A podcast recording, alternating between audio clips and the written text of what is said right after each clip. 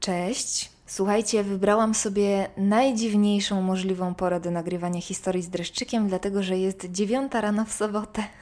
Marcin jeszcze śpi, ja siedzę sobie w piżamie z poranną kawą, e, ale uznałam, że ta chwila jest całkiem dogodna, dlatego że się wyspałam, wstałam prawą nogą tym razem, więc dlaczego miałabym tych pierwszych słów w weekend nie wypowiedzieć właśnie do Was? A straszne historie, dlatego że zwyczajnie nie mogłam się już doczekać, dlatego że ostatnio jakoś brakowało mi czasu, żeby Mm, żeby dokonać selekcji tych maili. W ogóle moja skrzynka pęka w szwach, bo pomimo tego, że od ostatnich bardzo strasznych historii dzieli już nas trochę, to Wy nawet przez chwilę nie ustawaliście w kolejnych przesyłkach. Um, tak, w ogóle. Dla tych, którzy trafili na ten odcinek jako pierwszy w naszym bardzo brzydkim podcaście, bo tak się mogło zdarzyć i w tym momencie jesteście zaskoczeni tym, co ja do Was mówię, co ta laska od bardzo brzydkich rysunków tutaj e, wygaduje, śpieszy z informacją, że oprócz życiowych, lekkich bądź czasami nieco trudniejszych tematów, em, zbiera się tutaj społeczność amatorek i amatorów historii z dreszczykiem. Po prostu lubimy paranormalne klimaty, niektórzy z nas traktują je poważnie, inni, w tym ja, z delikatnym przymrużeniem oka, co nie zmienia faktu, że wszyscy słuchamy ich z wypiekami na twarzy. To pierwsza informacja, i po tej pierwszej informacji zrobię sobie przerwę na łyk kawy, dlatego że czuję, że mam jeszcze taką, wiecie, poranną chrypę. O, kawka. Ym, I jeszcze taki mały disclaimer, mm, żeby tradycji stało się zadość. Jeżeli jesteś osobą szczególnie wrażliwą, zapraszam Cię do przesłuchania innych odcinków bardzo brzydkiego podcastu, bo dochodzą mnie słuchy, że dla niektórych, dla tych wrażliwszych, te treści poruszane w bardzo strasznych historiach są nieco za mocne, e, więc nie chciałabym Was narażać e, na różnego rodzaju stany lękowe później, więc zapraszam Was po prostu do innych treści, albo u mnie, albo zupełnie gdzie indziej. Mm, te bardzo straszne historie pojawiają się zwykle naprzemiennie z takimi luźniejszymi tematami, więc mam nadzieję, że każdy znajdzie coś dla siebie. No dobrze, no to co? Jedziemy z tym koksem. Nie wiem, jak się wprowadzić absolutnie w klimat. Może muzykę proszę. O, tak jest zdecydowanie lepiej. Dobrze, zatem autorką pierwszych dwóch historii jest Maja. Kiedy byłam jeszcze dzieckiem, bardzo bałam się chodzić do toalety nocą lub kiedy byłam po prostu sama. Pamiętam, że kiedy wszyscy spali lub nikogo nie było, zawsze, ale to zawsze słyszałam dźwięk pozytywki. Było to dla mnie naprawdę dziwne i przerażające, ale nigdy jakoś nie miałam odwagi o tym powiedzieć. Czasami latem, kiedy każdy z rodziny siedział przed blokiem, biegłam za potrzebą i zostawiałam wszystkie drzwi otwarte wraz z wejściowymi, bo wiedziałam, że będę znowu słyszeć tą przeklętą muzykę. Jako nastolatka dowiedziałam się, że moja siostra również słyszy pozytywkę w łazience. Wtedy zdałam sobie sprawę, że ten dźwięk był prawdziwy i to nie mogła być moja wyobraźnia. Na tym moja historia mogłaby się skończyć, ale to jeszcze nie koniec. Kilka lat później rozmawiałyśmy z mamą o duchach i nasunęła mi się myśl, żeby powiedzieć mamie o pozytywce. Mama zbladła. Powiedziała tylko, że jako dziecko zawsze w łazience słuchała pozytywki, którą dostała od jej babci i któregoś dnia po prostu zniknęła. Nikt w domu nie mógł jej znaleźć i nigdy nie usłyszała jej dźwięku. Za to ja słyszałam go zawsze późną nocą. Druga historia, jaką chciałabym Wam opowiedzieć, nie jest z pierwszej ręki, ponieważ przydarzyła się byłemu chłopakowi mojej siostry – na potrzebę mojej opowieści dodam, że Marcin wówczas był bardzo sceptycznym racjonalistą, nigdy nie wierzył w paranormalne zjawiska. Któregoś dnia razem z moją siostrą pojechaliśmy do Zofiówki, opuszczonego szpitala psychiatrycznego dla Żydów w Otwocku. Kilka dni po tym, kiedy chciał wsiąść do samochodu, zobaczył, że jego przednia szyba jest zaparowana od wewnątrz, a na niej narysowana swastyka. Musiał pojechać, więc niechętnie wsiadł do niego. Podczas jazdy spojrzał w lusterko, a na tylnym siedzeniu siedział chłopiec. Zahamował natychmiast, spojrzał ponownie, lecz nikogo tam nie było. Miał on jasną piżamę zapinaną na guziki. Dodam jeszcze, że Marcin nigdy nie był tak przestraszony jak wtedy, gdy to opowiadał.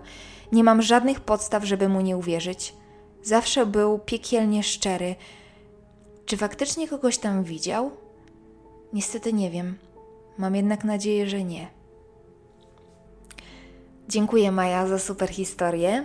E, oglądałam całkiem niedawno odcinek jakiegoś takiego urbexowego kanału właśnie o tym miejscu. I to jest, słuchajcie, strasznie smutna historia. I chyba przez to właśnie mam, mam jakieś takie mieszane uczucia względem wycieczek do takich miejsc i, i nakręcania dookoła nich klimatu grozy i tworzenia filmów na YouTubie. Jasne, że to się ogląda, to się klika, bo to jest, no sama tam kliknęłam, tak. Mm, ale według mnie to jest po prostu miejsce wypełnione ludzkim, straszliwym cierpieniem i nieszczęściem, a nie dom strachów. Nawet jeżeli dzieją się tam niewyjaśnione sprawy, to jakoś tak nie wiem, może jestem, może jestem zbyt staroświecka. No dobrze, kolejna wiadomość jest od Julii. Cześć Iga, chciałabym podzielić się bardzo świeżą historią. Czy straszną? Nie wiem, dla mnie jest chyba bardziej wzruszająca, chociaż na pewno lęk również budzi. Niedawno straciłam babcię. Nikt nie był na to gotowy, odeszła bardzo nagle. Ja nadal nie wierzę w to, co się stało, ani nie dociera do mnie jej brak. Może jeszcze tylko dopowiem, nie wyznaję żadnej religii. Wierzę przede wszystkim w dobro i zło, karmę i w to, że po śmierci człowiek nie znika. Wierzę w duszę, energię. Z wiarą w duchy nie wiem jak u mnie jest. Trochę wierzę, trochę nie. Chyba wierzę w małe znaki, sygnały, które wysyłają nam zmarli.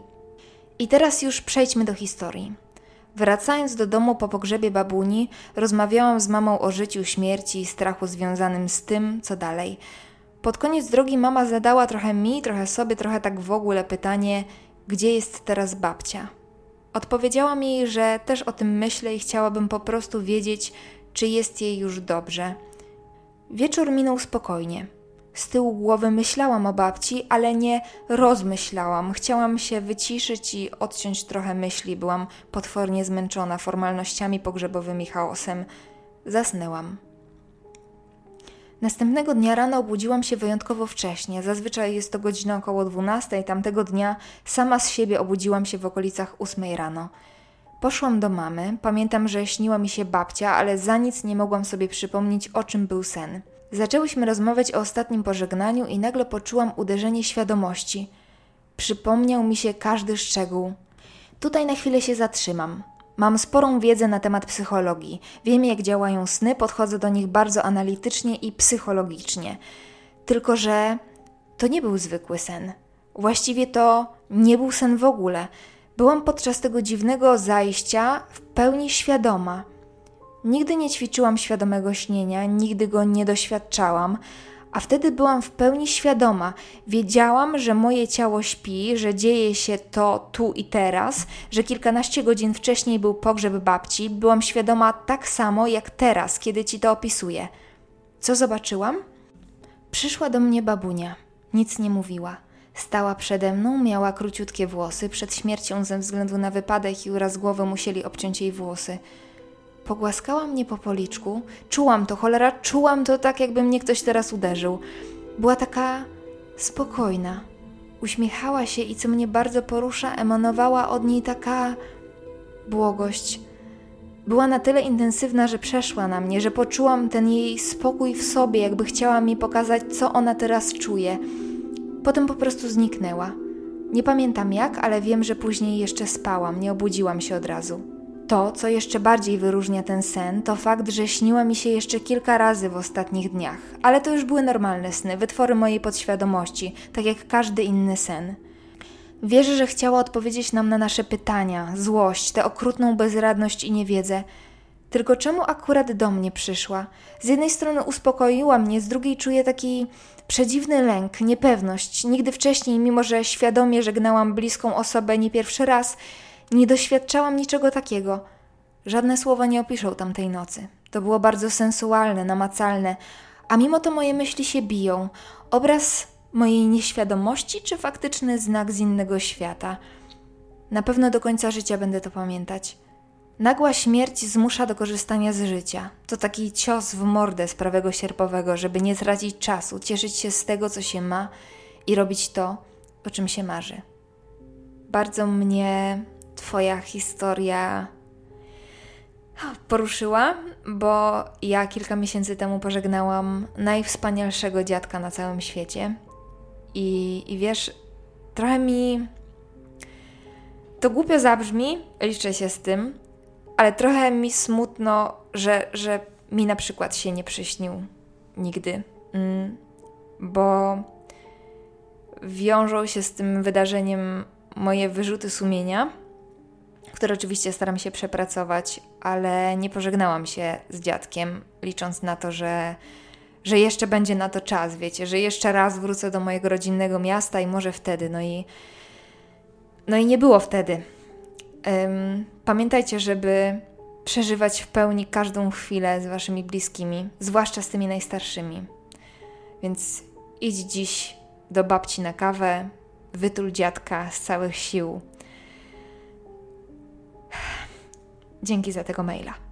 A teraz historia osoby, która prosi o anonimowość. Chciałabym opowiedzieć Ci krótką historię, która zdarzyła się mojej mamie i babci. Mama była wtedy w siódmej lub ósmej klasie. Dom, w którym mieszkały, był dobudowany do domu rodzinnego mojego dziadka zaraz po ich ślubie. Starsza część domu miała osobne wejście, ale połączona była z nową częścią piwnicą, która jak to w tamtych czasach nie była całkowicie pod ziemią.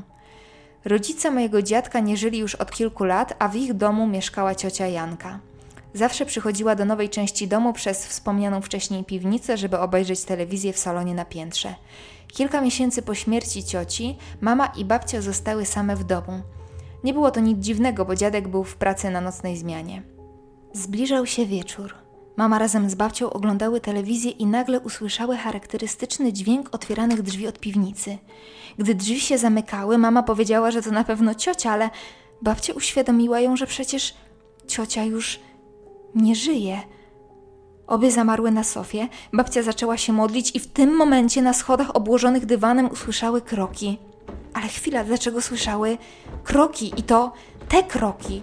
Ciocia Janka chodziła w kapciach, które sama robiła i ich materiał wydawał charakterystyczny dźwięk w kontakcie z szorstkim dywanem i po prostu nie dało się pomylić tych kroków z niczym innym. Kroki dotarły na górę. Mama wspomina, że usłyszała jeszcze kilka kroków na korytarzu, tak jakby ciocia chciała zajrzeć do pokoju, w którym siedziały, a babcia zaczęła na głos mówić: Panie Boże, uchroń nas! I wtedy kroki ustały. Po paru minutach mama wyjrzała z pokoju, ale nikogo tam nie było. Gdy opowiedziały całe zajście dziadkowi, odpowiedział tylko, że to na pewno ciocia Janka chciała przyjść obejrzeć telewizję, a one ją wygoniły. Ta sama historia z krokami miała miejsce jeszcze kilka razy i za każdym razem przebiegała tak samo. That was intense. E, cóż, no nie wypada się z dziadkiem nie zgodzić, tak? Ciocia chciała jeszcze sobie coś zwyczajnie obejrzeć, a twoja mama swoją babcią po prostu wygoniły.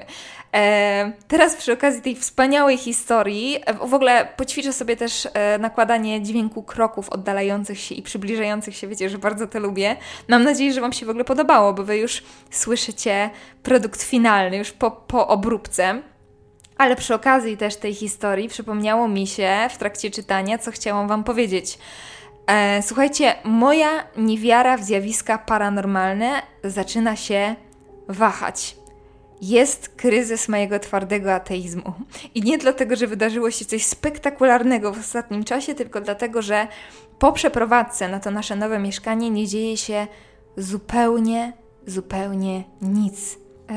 Życie w ostatnim mieszkaniu zakończyliśmy z delikatnym przytupem, bo e, niewidzialna pani współlokatorka, mówiąc najprościej, nie chciała nas wypuścić, ale o tym, a wiecie co? Nie, niech mi tam, opowiem Wam teraz. Zatem wszystko działo się przez kolejne dwa dni przed przeprowadzką, bo właśnie dwa dni przeznaczyliśmy sobie na wywiezienie rzeczy pierwszego dnia, a drugiego dnia posprzątanie całego mieszkania.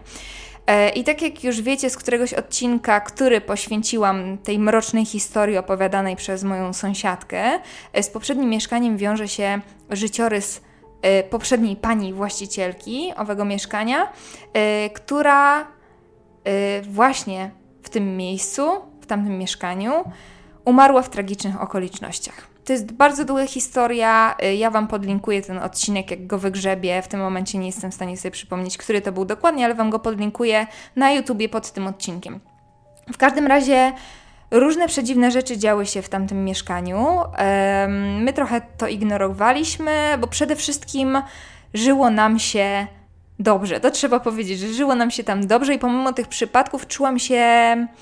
To zabrzmi dziwnie, ale czułam się bezpieczna. Nawet użyłabym słowa taka, mm, taka zaopiekowana, ugoszczona. Po prostu czułam, że ktoś o mnie dba. Zatem przechodzimy do przeprowadzki. Zarówno po tym pierwszym, jak, dru jak i drugim dniu jechaliśmy już na noc do naszego nowego mieszkania, no bo wiadomo, że wychodziliśmy ze skóry, żeby już tu zamieszkać. I pierwszego dnia ogarnę, ogarnęliśmy już wszystko. Mm, tam spakowaliśmy te wszystkie pudła. Stoję z ostatnim pudełeczkiem w przedpokoju i mówię do Marcina coś w stylu: No dobra, to co, jedziemy? Nie? Coś, coś w tym stylu. I dosłownie na moje słowa, roleta w salonie, jakby nie wiem jak to określić, yy, wymontowała się z tych takich obejm u góry okna, u góry ramy okna i spadła z hukiem na ziemię. I stwierdziliśmy oczywiście, że trochę jej używaliśmy, więc miała prawo opaść, ale jednak ten timing był e, czymś e, przedziwnym. Więc naprawiliśmy wszystko, grało. E, kolejnego dnia przyjechaliśmy mm, na mieszkanie, żeby sprzątać. Wyszorowaliśmy praktycznie wszystko, spakowaliśmy te mopy, odkurzacze i tak dalej. Znowu Stoję, tym razem stałam w łazience, jeszcze medytowałam nad mopem właśnie i wodą w wiaderku i mówię do Marcina, słuchaj, jeszcze ostatni raz przelecę podłogę na mokro. Tak wiecie, chciałam po prostu już za nami, za nami, za nami e, po, powycierać i po prostu wyjść stamtąd z mokrym mopem. I nagle słyszę, słuchajcie, syk, taki szum, takie cs, dobiegające z kuchni. I ja w pierwszym momencie w ogóle jakoś tak posklejałam ten dźwięk, że wydawało mi się, że gdzieś ulatnia się gaz. Widziałam takie pęknięcie w rurce, z którego wydobywa się gaz i po prostu miałam wizję, jak zaraz wylatujemy w powietrze. I wpadłam do kuchni, bo to stamtąd dobiegał ten dźwięk, i moim oczom ukazał się wodospad, dosłownie wodospad płynący z szafki pod zlewem. Yy, zakręciliśmy wodę, yy, było centymetr wody w całej kuchni. Na szczęście tam był taki spad, znaczy na szczęście i nie na, na szczęście, no bo się woda tam dostała praktycznie pod ścianę, ale kuchnia była na jakimś takim trochę krzywej podłodze, że ta woda nie wyszła jednak z niej. Um, w każdym, w każdym razie y, wycierania była cała masa, bo y, mieliśmy tylko dwa ręczniki jakieś stare, które mieliśmy wyrzucić po drodze do dyspozycji, więc po prostu je namaczaliśmy, wyrzymaliśmy, namaczaliśmy, wyrzymaliśmy i w ten sposób doprowadziliśmy to mieszkanie do porządku. Mm, więc umyliśmy podłogę na mokro, na bardzo mokro, ostatni raz, tak jak Marcinowi obiecałam. E, no i później spędziliśmy, już naprawdę chcieliśmy wychodzić, marzyliśmy o tym, żeby zamknąć ten rozdział i zacząć nowe życie w nowym mieszkaniu, a my spędziliśmy tam jeszcze 3 czy 4 godziny, bo Marcin próbował ten mm, pęknięty zawór dopływu wody naprawić i tak nie obyło się zresztą bez hydraulika, tak nawiasem mówiąc. I to wszystko przez ten timing, przez tą taką powtarzalność tych sytuacji, to wszystko wyglądało tak, jakby coś kombinowało, jak nas zatrzymać na nieco dłużej. E, I roleta mm, okazała się nieskuteczna, więc pani współlokatorka, jak ją nazywaliśmy, mm, zaserwowała nam e, Paranormal Activity wersja park wodny. Masakra. No i po tych wszystkich zdarzeniach była już chyba godzina 20. E, znaczy po tych wszystkich zdarzeniach, po tym ostatnim zdarzeniu, po, tym, po tej powodzi, była godzina 20, ogarnęliśmy wszystko i w zasadzie, słuchajcie, to było naprawdę jak w horrorze, bo my wybiegliśmy z tamtego mieszkania, żeby tylko nic znowu się nie wydarzyło, bo już mieliśmy, już się zafiksowaliśmy, że, mm, że, że po prostu za każdym razem, kiedy my będziemy chcieli wyjść, to kolejne nieszczęście będzie się przytrafiać na tym mieszkaniu. Więc wsiedliśmy do samochodu i ja odkryłam, że nie wzięliśmy tego odkurzacza. Rodzice Marcina pożyczyli nam taki duży przemysłowy odkurzacz, żeby po prostu przelecieć, tak wiecie, na ostro te przestrzenie, zarówno w tamtym, jak i w tym mieszkaniu, żeby wszystko było wciągnięte na 100%. Um, no i ja postanowiłam wrócić ostatni raz do tego mieszkania sama. I nie wiem, co mnie podkusiło, ale jak już stałam w progu z tym, z tym odkurzaczem, to powiedziałam na głos: jeżeli pani chce, może pani iść z nami. Nie mam zielonego pojęcia, po co to powiedziałam. Może byłam gdzieś psychicznie przywiązana do tej energii w tamtym mieszkaniu, nie wiem, ale odczuwałam jakiś taki żal za, za tym, że odchodzimy, więc stwierdziłam, przygarnijmy ducha. Co, tylko Chmielewska mogła coś takiego wymyśleć. Odpowiedziała mi cisza, zatem zamknęłam drzwi i wróciłam do auta. Oczywiście byłam na maksa wydygana. I gdyby teraz coś dziwnego się działo w tym nowym mieszkaniu, to mogłabym uznać, że moja głowa się po prostu zafiksowała na tym, że mm, na, na tym takim paranormalnym transferze. Tymczasem, słuchajcie, jest kompletna cisza, totalna cisza. I to jest dla mnie w ogóle bardzo nowe uczucie takiej, takiej właśnie energetycznej ciszy. I powiecie nowe budownictwo, ale najbardziej szalone historie zdarzały mi się w mieszkaniu mojego byłego chłopaka, który wprowadził się do tego mieszkania w zasadzie, kiedy budynek został wzniesiony. Więc to nie jest związane z tym, że po prostu mam nowe mury i, i nie, nie powiązuję podświadomie z nimi żadnych historii. Tylko ja to po prostu czuję, bo to jest w ogóle bardzo dziwne. Yy, I Możecie mi oczywiście nie wierzyć, ale ja nie analizuję. Ja nie analizuję, przynajmniej świadomie nie analizuję tego, gdzie jestem i tak dalej, i tak dalej, tak jak już mówiłam. Tylko i wyłącznie odczuwam. I, i właśnie to mnie zastanawia. Dlaczego tu? I dlaczego, i to jest w ogóle dla mnie bardzo, bardzo nowe, bo w zasadzie gdzie się nie ruszę, to czuję jednak jakąś energię. A tutaj jest ta cisza. Wiem, że powtarzam to słowo w kółko i w kółko, ale wydaje mi się najbardziej adekwatne. Mm, oczywiście znalazłoby się 100 tysięcy logicznych wytłumaczeń, prawda, mm, dla tego zjawiska, ale jak już wszyscy dobrze wiemy, ta seria e, ma podsycać nasz apetyt na dreszczyk, a nie spowodować, e, że będziemy go sobie tłumaczyć e, naukowo. Zatem do usłyszenia. Całujemy. Cześć.